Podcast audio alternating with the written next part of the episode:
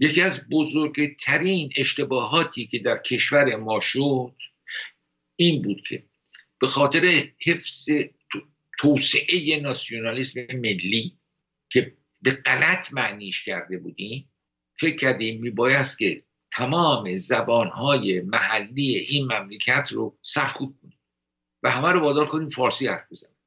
در هزار سال گذشته زبان فارسی هیچ متولی نداشت. هیچ کس از زبان فارسی دفاع نکرد.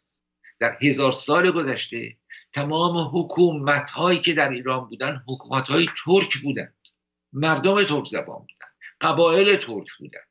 و هیچ وقت هیچ وقت زبان فارسی هیچ متولی نداشت.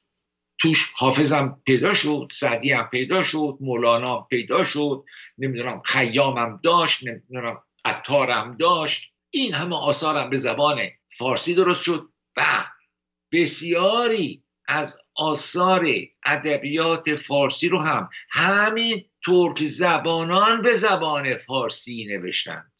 بنابراین متولی زبان فارسی شدن کمکی به ناسیونالیزم ملی نمی کرد این جز این که مردم ایران رو از هم جدا کرد.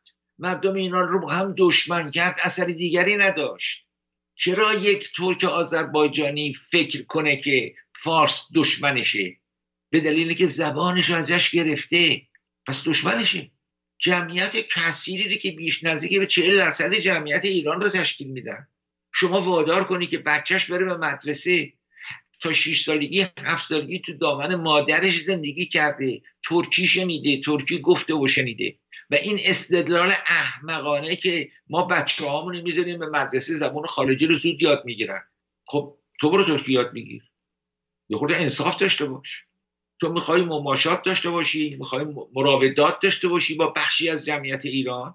برید زبان همدیگه رو یاد بگیرید. مگر هم با همون استدلالی که شما دارید که میشه به آسانی یه زبان دیگر یاد گرفت به همون دلیلی که در سوئیس مردم هم فرانسه هم آلمانی هم انگلیسی هم ایتالیایی با همدیگه حرف می‌زنند همه این زبان ها رو بلدند؟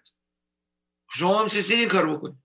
اینه که زبان مادری از کسی بگیری و یه زبان دیگه بهش تحمیل بکنی این دیکتاتوری بود این زورگویی بود.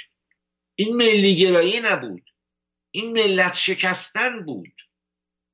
این متفرق کردن ملت بود. این دو قطبی یا چند قطبی کردن ملت بود. و شد متاسفانه.